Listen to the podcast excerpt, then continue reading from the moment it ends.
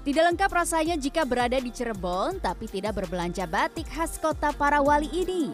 Namun kali ini saya tidak ingin berbelanja saja, melainkan juga ingin tahu soal batik khas Cirebon. Saya pun berkunjung ke Museum Batik Trusmi, terletak di jalur Pantura Cirebon, tepatnya di sentra batik Desa Trusmi Pleret Cirebon. Saya disuguhi berbagai budaya khas Cirebon, mulai dari topeng hingga motif batik Cirebon yang terkenal mega mendung.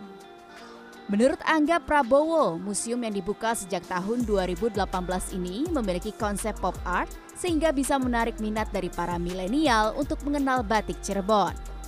Ya, Museum Batik Tusmi itu uh, kita kombinasi antara teknologi dengan budaya. Makanya kita karena uh, kaum kaum milenial itu kan pengennya yang uh, teknologi, yang spot foto. Jadi kita combine uh, budaya dan teknologi. Makanya di Museum Batik Tusmi ini kita ada video mapping yang uh, di tengah posisinya seperti itu.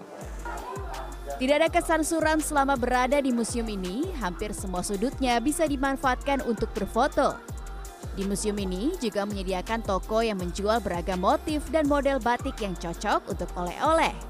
Oci, pengunjung asal Jakarta, sengaja berkunjung ke Cirebon untuk mengunjungi museum batik dan juga berbelanja batik. Karena uh, saya direkomendasi sama teman-teman yang udah pernah ke sini, uh, pusat batik Trusmi ini luar biasa ya, banyak pilihannya, kemudian uh, lengkap gitu. Jadi kita memilih untuk uh, menuju ke sini gitu. Lokasi yang strategis di jalur Pantura, museum ini juga bisa dimanfaatkan oleh para pengunjung yang ingin balik ke perantauan di wilayah Jabodetabek untuk beristirahat sejenak karena tidak ada rest area di kawasan ini.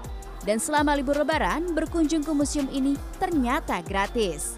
Irin Wardani, Arif Yunan, Cirebon.